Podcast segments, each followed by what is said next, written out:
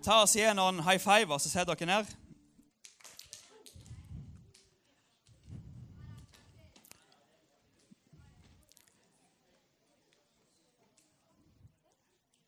Good. Og så glemte jeg å gjøre én ting sist gang. Eh, for der Sist gang så var jeg veldig noldus. Da tok jeg og sendte Jeg trodde jeg hadde sendt liksom punktene mine til han som skulle styre bildet, Christian, men så hadde jeg ikke gjort det. Så kom jeg sånn når nedtellinga holdt på, og så sa jeg du, Christian, jeg hadde fått punktene mine, og han hadde jo ingenting. Men han bare fiksa det på 2, 2, nei, 1, 2, 3. 2, 2, 3. Ah, det her kan bli en eh, lang kveld. Men kan vi ikke ta og gi Christian en kjempeapplaus? Ja, det er solid. Og når vi først er i applaushumør, kan vi ikke ta og gi de andre knallene òg bak miksepultene applaus? Og så kan vi ta og gi Jonah Kenten applaus.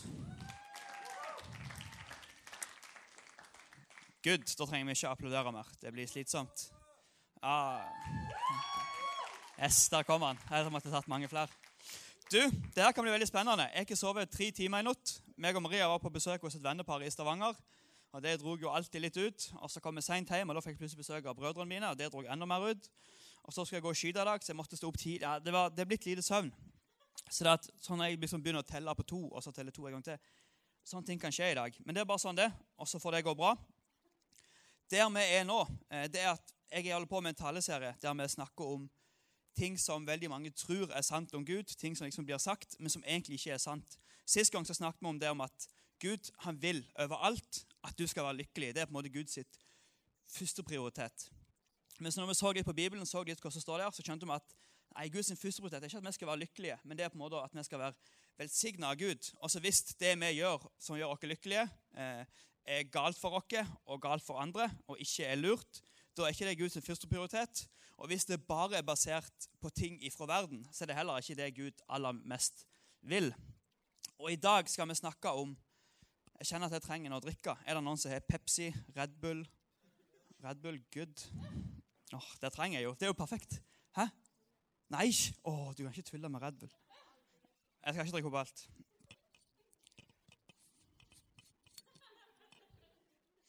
Det var Red Bull òg. Nei, det var Red Bull. Yes, du, Det jeg skal snakke om i dag, det er at folk Jeg har hørt det flere ganger. at Gud sier at ja, men Gud han gir deg ikke mer enn du kan takle. Og Det er på en måte litt den vi skal ta og se litt på i dag, og se stemmer det, stemmer det ikke. Eh, og det var en, eh, Jeg likte det ikke når han sa det, men jo mer jeg tenkte over det En lærer jeg hadde på, Bibel, nei, på, på videregående, så sa liksom Sondre, enten så er du på vei inn i en dal og Når jeg snakker om dal, så ser dere livet deres. at Der er det på en måte fjelltopper der er daler. Er du nær i en dal, så er det litt tungt, det er litt vanskelig. Er du på en topp, så er det god stemning. Og Han sa det at greia med oss mennesker er at enten så er vi på vei inn i en dal, eller så er vi på vei ut av en dal. Inn, ut. Eller så er vi midt i en dal. Eh, og på en måte, Uansett hvor vi er, så er det liksom alltid en dal som kommer. For sånn er det å leve. Livet går opp og ned. Eh, derfor må vi på en måte ta litt tak i dette her.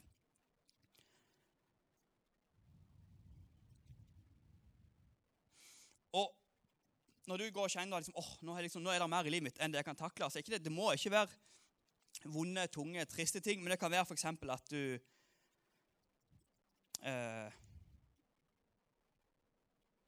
At du har fulle o...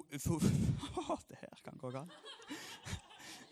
At du har fulle uker. Det skjer sykt mye. Du er med på fotball, du er med på turn, du er med på håndball. Jeg håper ikke noen spiller turn og fotball. Det kan bli krasj. Men der er bursdager, der er du skal bli kjent med klassen, fester. Det er alt slags ting som skjer. Du er gjerne frivillig i et eller annet arbeid på Betania, i en uh, musikkskole, på et eller annet. Du er med å planlegge en happening, et eller annet ball som skal skje, og det må jo planlegges sykt tidlig. Kanskje du har en kjæreste eller er på med en kjæreste. Det tar sykt mye tid. Og så har du akkurat begynt på ny skole, og der er det bare dødsmye. Bare uka det er bare Det bare skjer så sjukt mye at du bare kjenner at vet du hva, jeg takler ikke det her. Det er på en måte en måte liksom, der vi kan være i livet vårt. Bare åh, det her takler ikke jeg. Og så kan det være livsfase at det på en måte er mer vanskelig, kan være mer vonde. F.eks. at du har lekser. Det har vært veldig mye vondt for meg. liksom hatt mye lekser. Det, da har jeg vært langt nede. Eh, jeg har jo hatt eh, foreldre som har krangla og hatt det vanskelig. Eh, og det på en måte påvirker meg. Da blir jeg liksom åh, det her takler jeg ikke mer. det her klarer jeg ikke mer. Du kan ha medisinske bekymringer. Det kan være en eller annen i familien din eller en eller annen venn som, som har det vanskelig, det kan påvirke deg. Det kan være at du har kjæresteproblemer, det kan være at det er stress på skole, det kan være depresjoner, det kan være at du sliter med migrene, at du føler deg alene, det kan være at du føler deg redd. Det kan være enormt mye som kjenner at åh, vet du hva, jeg, jeg takler ikke dette her mer. Eh, og når liksom du står midt oppi det der, og du bare kjenner at åh, det her klarer ikke jeg, så kommer det en eller annen kjempekristen dude som bare vil deg godt og liksom vil ingenting annet, og så sier han ja, men slapp av, Thomas. Gud, han gir deg ikke mer enn du kan takle. Og husk at når Gud lukker en dør, så åpner han et vindu. Og så begynner Thomas å tenke hæ? Lukker jeg dør og åpner et vindu? Jeg bor liksom i tolvte etasje. Hva hjelper det meg at jeg åpner Hva er greia? Og så snakker man andre, og så sier de at eh, Vet du hva, Thomas? Gud han hjelper deg som hjelper seg sjøl. Og du bare, hva er det du snakker om? Hva er greia? Gud gir deg ikke mer enn du kan takle. Og så begynner du å tenke litt. Og så kan du begynne å tenke at ja, men nå har jeg fått mer enn jeg kan takle. Og hvis ikke Gud gir meg mer enn jeg kan takle, da kan det jo ikke finnes noe Gud. Og det her er litt ting vi skal, skal se litt på. Jeg tror Litt av grunnen til at den eh, myten om at Gud ikke gir deg mer enn du kan takle, det kommer kanskje fra 1. Korinterne 10-13. For der står det Gud skal hjelpe dere slik at dere klarer å stå imot fristelsen. Det har han lovet. Hver gang dere kjenner dere er fristet, vil Gud gi dere en utvei. Og det har jeg hørt folket brukt i taler inn der med liksom at vet du hva, Gud han gir deg ikke mer enn det du takler. Hvis du kommer liksom et punkt der du er der, så skal han gi deg en utvei. Men her snakker Gud ikke om liksom, ting i livet ditt som ikke du takler, men han snakker om fristelser. Det er noe helt annet. Det skal vi snakke om neste uke. Da skal vi snakke om Det er ikke så mye betydning hva du gjør, så lenge det ikke skader noen. Da skal vi se mye på dette verset. Men hvis vi ser på en måte litt tilbake i Bibelen, så er det masse fortellinger om folk som fikk mye mer enn de takla sjøl. Ta Gideon, for eksempel, som var en dude langt tilbake i Gamle Testamentet. Han, han liksom var den stussligste personen i sin familie og i sin by.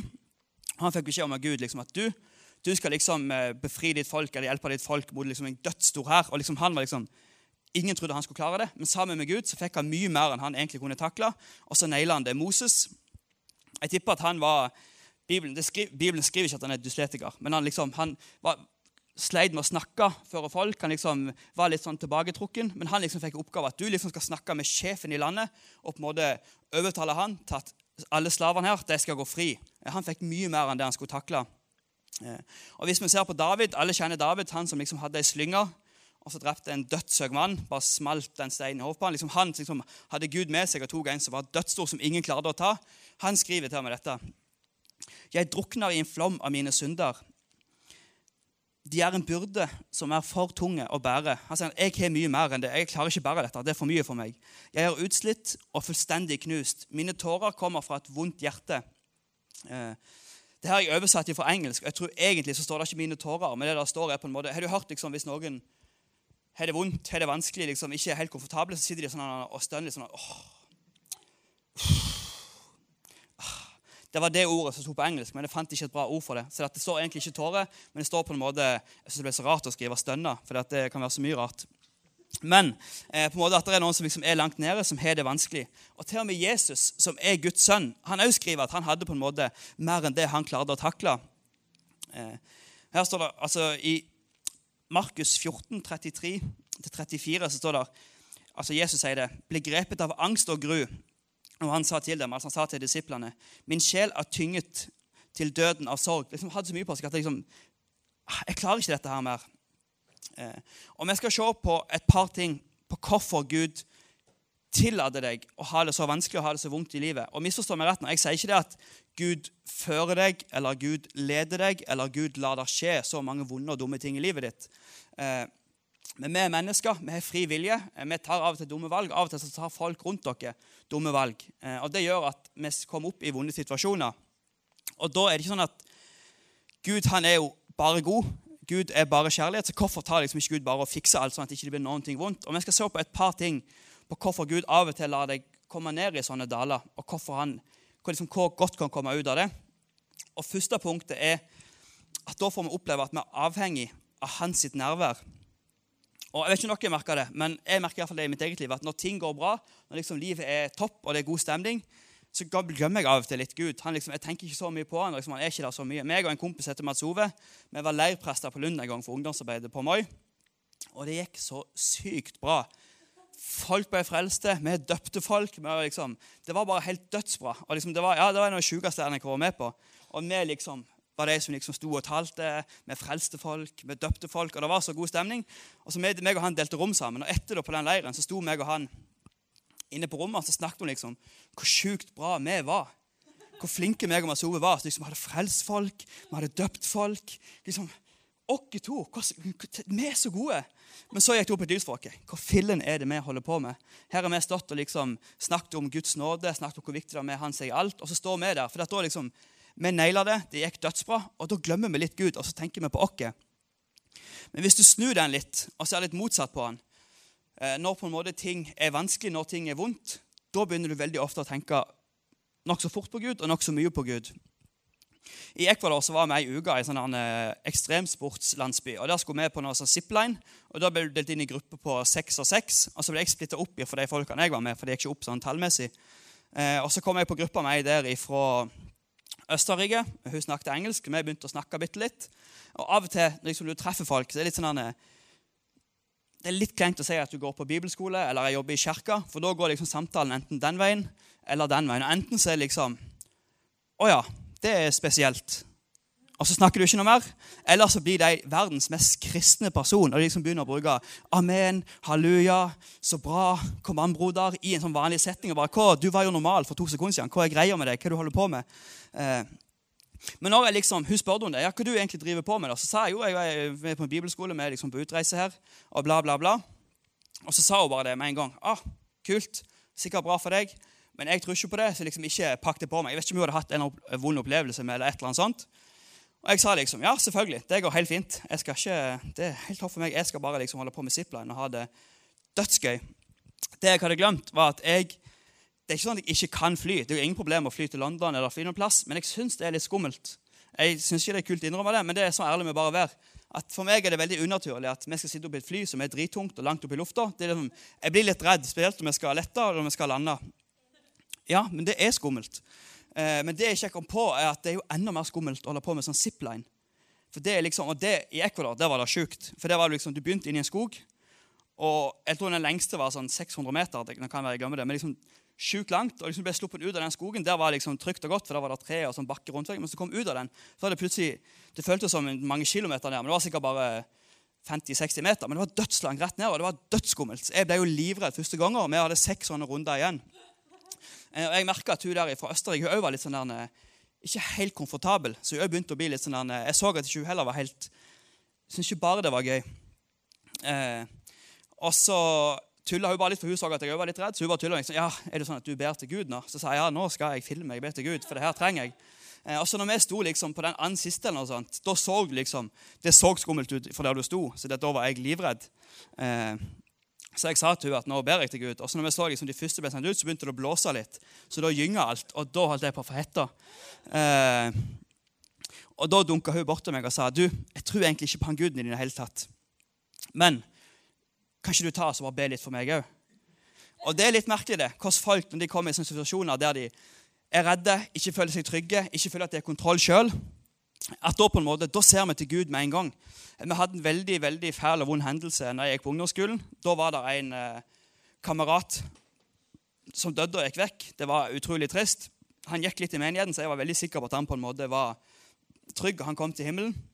Men da var det liksom folk i klassen min som på en måte vanligvis ikke var kristne i det hele tatt. De gikk rundt og banna og sto på og liksom sa at nei, jeg tror iallfall ikke på Jesus. bla bla bla. Men en gang du blir satt i en sånn veldig krisesituasjon, så er det et eller annet at da søker du Gud med en gang. Har dere vært med litt på det? Er dere med på det jeg sier? Eh, og I Bibelen så står det om en som var litt i det samme, eh, samme greiene. Han heter Jonah. Eh, han fikk beskjed fra Gud. Liksom, Jonah, du skal gå der snakke om meg, det, liksom, det kaller jeg. Det var liksom tydelig at det var Gud som snakket til ham. Så Jonah visste at dette her var fra Gud.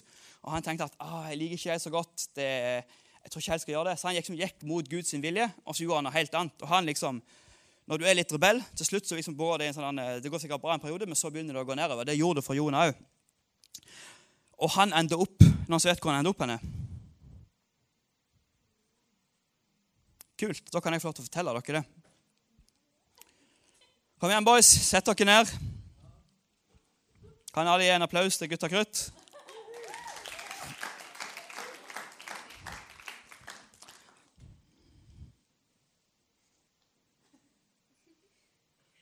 Ja, de skal få lov til å være med deg òg.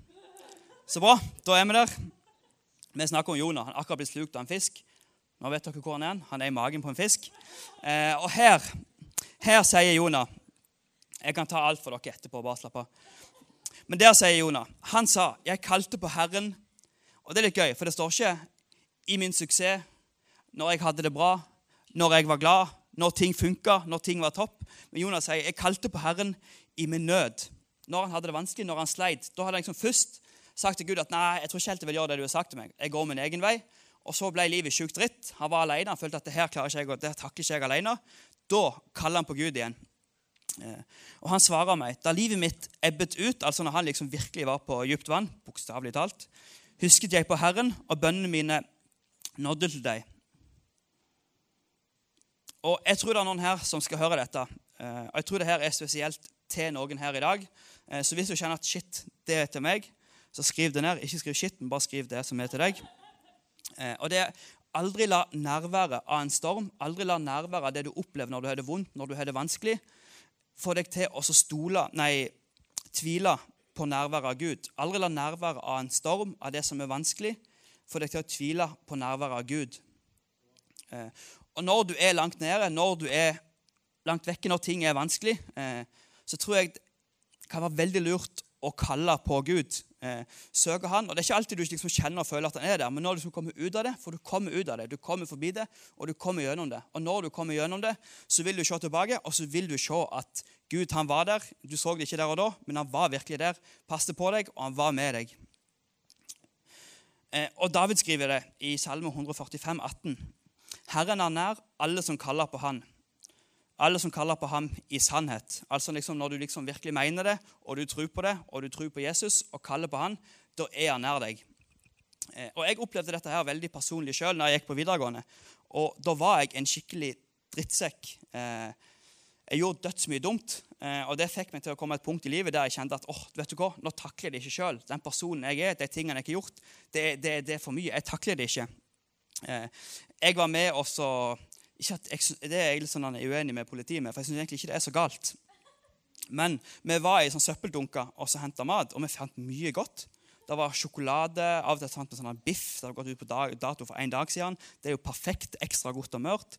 Eh, og så vet jeg ikke om folk har merket det, de som bodde rett på sida, de sa ifra. Så er jeg liksom tatt for det. Eh, jeg var enormt fæl mot kjærestene jeg hadde. Eh, jeg var enormt fæl mot andre folk i klassen. Eh, mobba folk var ofte inne på rektors kontor fordi jeg var en skikkelig drittsekk. Og til slutt bare kom det til et punkt der jeg sa liksom, til en kompis som jeg hadde et veldig god kontakt og kjemi, og han var en sykt bra fyr som både fikk meg litt ut av det. Jeg sa bare vet du hva, jeg klarer det ikke, jeg takler det ikke. Og da, måtte, hele den perioden da liksom, jeg hadde det gøy, levde livet på videregående, så tenkte jeg ikke på Gud, ensa det ikke. Eh, men da jeg liksom var langt nede og kjente vet du hva, det her klarer jeg ikke bare sjøl, da skjønte jeg at vet du hva, jeg trenger noe annet. Eh, og jeg trenger Jesus. Eh, og Det ble på en måte litt sånn vendepunkt i livet mitt. Og Det jeg har opplevd da, og jeg har opplevd det senere når jeg har vært gjennom enda større og verre kriser i livet mitt at, Og det har kanskje litt rart ut for noen å høre, men jeg vil mye heller være nær Jesus og være i en bølgedal enn å ikke ha et forhold til Jesus i det hele tatt og være på en fjelltopp. For det er så sykt digg å vite at vet du hva, Gud han er der. Han passer på meg uansett hva jeg møter, uansett hva som kommer så er Gud der, og han vil få meg gjennom det. Og Husk på det jeg sier nå, for det kommer et bibelvers helt til slutt eh, som snur litt opp ned på dette, her, som kan gjøre det til noe bra. Og jeg sier det igjen, Aldri la nærværet av en storm, aldri la nærværet av det som er vanskelig vondt for deg, få deg til å tvile på nærværet av Gud. For han er der. Selv om ikke du ser han, så er han der. Og det tror jeg Gud vil si til noe spesielle her i dag.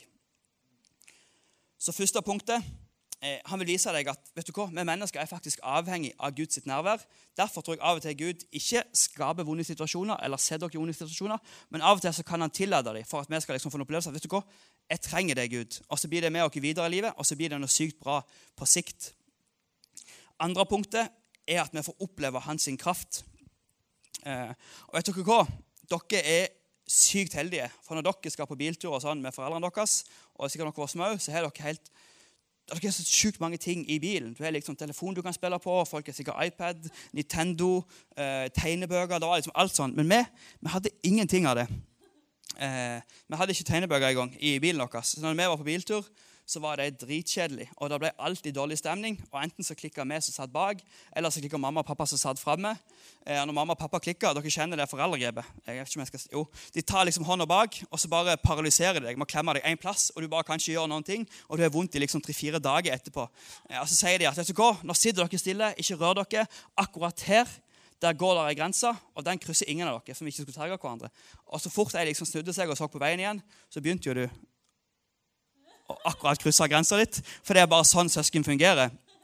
Eh, men eh, så kom pappa på noe genialt. For han sa til meg og broren min Vi krangla veldig mye. Egentlig alle sammen. Eh, men han sa liksom Vet du hva? Jeg vedder på at dere ikke klarer å holde dette papiret i taket hele bilturen. Og det er veldig dårlig gjort å gjøre mot en gutt. For når du sier det til en gutt at jeg, ah, jeg tipper at ikke du klarer det, da er vi programmert gutt, at jeg liksom, vet du hva, jeg skal vise deg. Det klarer jeg. Det kan være sånn at Jeg vedder på at ikke du klarer å springe under murveggen. Sondre. Åh, oh, du vedder på det, ja? Ah, ok, ja, jeg skal vise deg. Og så durer du på, for det er bare et eller annet dere gutter som sier vet du hva, det skal jeg motbevise. Og Jeg liksom tenkte at jeg skal i hvert fall slå Vebjørn. Jeg må vise pappa at jeg klarer det. Så Det var ikke lang biltur, det var bare til Sira. så det var ikke så langt ifra meg, det tippen 20 minutter eller noe sånt. Men da satt jeg liksom med begge hendene oppi taket og holdt det arket alt jeg kunne. meg opp. Og når jeg kom fram, så liksom Vet du hva, pappa? Jeg klarte det. Du tapte. Og så sa han ja, vet du hva, Sondre? Veldig bra. Du vant. Eh, men så har jeg skjønt i ettertid at det var egentlig han som vant. For når han sa jeg vedder, Sondre, så sa han liksom, det var ikke sånn jeg vedder fem kroner, jeg vedder en is jeg vedder at du får, det var liksom, jeg var vedde. Ingenting. Og da satt jeg helt stille hele bilturen og bare holdt det arket. Så jeg er blitt rundlurt av pappa. Eh, men hvor skal jeg hen med dette her? Nei, nå lurer du sikkert fælt. Biltur, ark i taket, veddemål. Jo, det jeg skal, er at vi mennesker, iallfall når vi tenker det, at Gud han er ikke oss mer enn det vi kan takle. Da tror vi at vet du hva, alt det som kommer i livet vårt, det klarer vi å takle. det klarer vi sjøl. Og på samme måte som han liksom holdt det arket, holdt tak i det, så gjør vi også sånn med livet vårt. Vi holder tak i det, vi prøver jeg skal klare det, jeg skal takle det. Hvis jeg bare gjør sånn og sånn, hvis jeg bare blir sånn og sånn, hvis jeg gjør det på den måten, da kommer jeg til å klare det. Eh, men, og det her syns jeg er så ufattelig bra Paulus, en suveren fyr i Bibelen, han må dere lese mye. Og han opplevde dødsmye dritt. Eh, han ble eh, banka, bitt av slange, og lista er gallang. liksom dødsmye skikkelig fælt, hevet fengsel. Og Han skriver noe som jeg syns er så sjukt kult. Han skriver, men han svarte, altså Paulus, min nåde er nok for deg, for kraften fullendes i svakhet. Altså, kraften ifra Gud den blir maksimal, den blir best når vi er svake. Derfor vil jeg helst være stolt av mine svakheter. Og det er ofte vi mennesker gjør er at vi er på en måte, Hvis vi er et eller annet som er vondt, et eller annet som er vanskelig, et eller annet som er våre svakheter, så gjemmer vi det vekk litt. Vi liksom snakker ikke om det, vi legger det vekk. Men Paulus sier vet du hva, jeg er stolt i mine svakheter. Jo, Hvorfor er han det? For at Kristi kraft kan ta bolig med. Altså Når vi er svake, det er da Jesus' sin kraft funker best i oss. Og Derfor er jeg fullt av glede når jeg for Kristi skyld er svak. Blir jeg mishandlet, er i nød, i forfølgelse og i angst. Altså Alt dette her eh, mishandelse, nød, forfølgelse. Alt det det opplevde Paulus. Men han sier at for når jeg er svak, da er jeg sterk. Og Jeg syns det er så sjukt kraftfullt. Jeg merker det sjøl òg. F.eks. når jeg taler. Eh, jeg taler ikke så supermye, men jeg taler litt. Og Noen ganger så gleder jeg meg til å tale. Liksom, yes, nå skal jeg endelig tale igjen. Andre ganger så er det bare jeg har ikke litt lyst engang. Eh, faller meg ikke inn. Men veldig ofte de gangene jeg bare kjenner at jeg er ikke klar for dette, her, jeg har ikke lyst, jeg, jeg takler det egentlig ikke, så er det de gangene det går best. Det er de gangene jeg føler at vet du hva, det funker best. Og det er fordi at da er jeg svak. Da gir jeg mer plass til Gud, og så er det hans kraft som jobber gjennom meg. Høres det bra ut? Så hvis du føler deg alene, hvis du har familieproblemer, hvis du har kjæresteproblemer, hvis du har sykdomsproblemer, fysisk, psykisk, samme hva det er, og du kjenner liksom at du, jeg må takle det sjøl, jeg må være sterk, jeg må fikse det, jeg må være sterk, eh, så tror jeg dere må ta switche om litt. Veldig mange tenker at Se for deg at du er på båt, eh, og så tenker du at det her skal jeg fikse. Så du sitter og ror og ror og ror. og Uansett hvor mye du ror, så bare kommer du ikke noen vei. for det er så mye motstand, det er så mye som skjer. Men av og til så må vi slutte å ro i vårt liv. Og så må vi bare reise oss opp, eh, strekke ut armene og så være som seil, der på en måte Guds kraft kan blåse oss dermed. Vi må på en måte slutte å være, prøve å klare det sjøl. For vet du hva? Vi mennesker er ikke skapt til å fikse livet alene. Det er ikke sånn vi er designa. Jeg snakket om sist gang at vi har på en måte et hull i hjertet vårt som passer kun for Jesus. Og uansett hva vi prøver å gjøre, uansett hva vi prøver å passe inn der, så er det ingenting annet som vil passe inn der enn Jesus. For det er sånn vi er skapt, det er sånn vi er designa. Eh, så av og til så må vi på en måte slippe litt taket eh, og bare la på en måte være svake og la Guds kraft jobbe i oss. Og da tror jeg det kan skje veldig sterke ting. Eh, det kan ta litt tid, det er ikke sånn at det skjer på et knips, men da kan det skje veldig sterke ting over sikt. Hvis du bare slipper litt taket sjøl, går det til sides, og så lar Guds kraft ta plass og virke i deg. Og jeg tror at av og til jeg sier, igjen, jeg sier ikke at Gud han legger ikke vonde ting på oss. Han setter dere ikke bevisst i vonde ting, men av og til så tillater han dere å ha det litt vanskelig ved når det er bølgedaler. For at noen ganger så må vi på en måte kjenne at vet du hva, Gud, du er alt jeg har. For at når vi kjenner på det, så forstår vi at, for å måte, at det er ikke før du innser at Gud er alt du har, at du skjønner at vet du hva, ja, men Gud, det er alt jeg trenger. Eh, og Paulus skriver mye bra. I Romerne 8, 26 så står det på samme måte kommer også Ånden oss til hjelp i våre svakheter. Eh, og Det er jo litt fantastisk at Jesus sa det når han stakk opp igjen til himmelen. Vet du hva? Det er faktisk best for dere at jeg stikker opp til himmelen, for da kommer Den hellige ånd. Og han er liksom hos alle, i alle som er tatt til valg om at det går. jeg tror på Jesus. Der er Den hellige ånd, og han hjelper oss i svakheter. Vi må på en måte bare slippe litt taket sjøl, og så la han få virke i oss. Her kommer mitt det her er mitt favorittvers i hele Bibelen. og Det har hjulpet meg dødsmye, og jeg syns det er så fantastisk bra. Det står i Romerne 8,28 Vi vet at Gud kan bruke alt som skjer. Og vet dere hva alt betyr? Alt betyr, Det betyr alt. Om det snakker engelsk, norsk, hebraisk Alt. Det er absolutt alt. Gud kan bruke alt som skjer, til noe godt for den som elsker Han, og de som i tråd med hans plan eh, fører til ham. Altså Hvis du elsker Gud, hvis du slipper Gud til i livet ditt, så på sikt så tror jeg at alt det som er vondt, alt det som er vanskelig i livet ditt, det kommer han til å snu. Det kommer han til å bruke noe godt. Du ser det ikke nå, du skjønner det sikkert ikke nå, men tro meg, hvis du er trofast til Gud, på sikt så vil han snu det, og han vil bruke det til noe, til noe godt. Eh, og Nå skal vi bare ta litt tid og så være litt sammen med Gud. Så du kan bare sitte. Eh,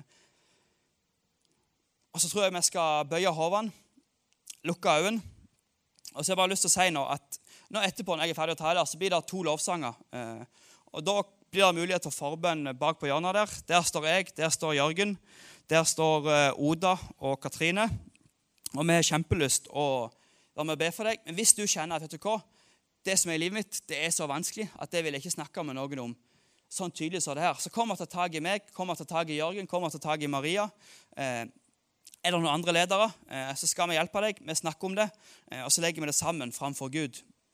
Men jeg har ikke bare lyst eh, å legge, hvis det er noen her som kjenner at det her treffer de, det her er på hjertet deres, bare lyst til å be litt ekstra for dem. Så hvis du bare holder hodet nede, øynene igjen Og så hvis du kjenner at vet du hva, det du har snakket om i dag, Sondre, det traff litt hjemme hos meg. Jeg står litt i sånn en bølgedal sjøl. Jeg er litt nede i en dal. Ting er litt vanskelig. Jeg sliter litt. Eh, så hvis du har lyst til å bare legge det framfor Gud og legge det i Guds hender, så har jeg lyst til å be for deg her og nå, akkurat nå. Eh, så hvis du bare kan ta mens alle holder hodet nær øynene igjen, bare rekke hånda opp i været. Yes, kan bare ta det ned igjen. Eh, så bruker vi bare bitte litt tid sammen med Gud. Kjære far, jeg bare har lyst til å be konkret for deg som rakk opp hånda nå. Eh, du ser det, du, det de står i, du ser det som er vanskelig i livet deres. Jeg ber om at du bare skal være med dem. Eh, de bare skal føle at du er der. Og jeg bare takker deg, Gud, for at på sikt, når vi er trofaste til deg, eh, så vil du snu alt i vårt liv til noe godt. Bare gi dem med din Hellige Ånd, Gud, bare gi dem tålmodighet, gi dem utholdenhet, gi dem ro, kjære far, i avgjørelser i valg. Gi dem styrke. Og kjære far, ta og bryt stoltheten deres litt, så de bare kan få lov til å å slippe taket og bare kjenne at din kraft jobber i dem. Eh, ta oss led dem til rette ledere som bare kan hjelpe dem videre, som kan hjelpe dem i det de står i, kjære far. Og så bare legger jeg deres liv i dine hender. Amen. Eh, og hvis du òg er litt kanskje i samme situasjon, men det er på en måte ikke så heavy for deg, men du kjenner litt det at vet du hva, jeg har ikke prøvd å leve livet litt alene, men jeg bare takler det ikke. Jeg får det ikke til. Eh, så tror jeg kanskje at du har prøvd med f.eks. at du har prøvd å få det til sjøl, men som jeg sa i stad, at vi er ikke skapt til å gjøre livet alene. Så hvis du kjenner at vet du hva, greit, jeg har lyst til å prøve å leve livet sammen med Jesus, så skulle du få et valg til å på en måte ja, ta det valget i dag. Ta et valg om at greit, nå skal jeg prøve å leve med Jesus, være på lag med han, eh, og så se hvordan det utspiller seg i livet mitt. Og hvis du tenker at åh, hva, Sondre, jeg er ikke sånn som deg, eller Jørgen, eller Thomas, eller Marie, eller Vilde. Jeg er ikke sånn som deg. Liksom, det Jesus-greiene det passer ikke for meg. Vet du hva? Jesus han er skapt akkurat deg, akkurat sånn som du er, for at han har en unik plan for deg. Og du skal være kristen på din måte, ikke på min måte, ikke på Maria sin måte, ikke på Karoline sin måte, men på din måte. Eh, og så tror jeg at når du virkelig tar Jesus inn i hjertet ditt, så vil han begynne å jobbe i deg, og det vil på en måte skje endringer. Eh, men det er på en måte at du blir mer den du er skapt å være, og ikke den du prøver å være. Så hvis du har lyst til å ta et valg om at greit, jeg har lyst til å prøve å følge Jesus, og være på lag med han, så mens alle fortsatt holder hodet ned av øynene igjen, så kan du bare rekke hånda opp i været. Jeg teller til tre. Én, to, tre.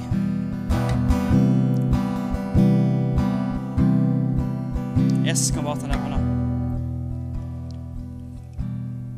Så gjentar bare dere til meg. Kjære far, og kom igjen. Kjære far, tilgi meg for der jeg ikke feila.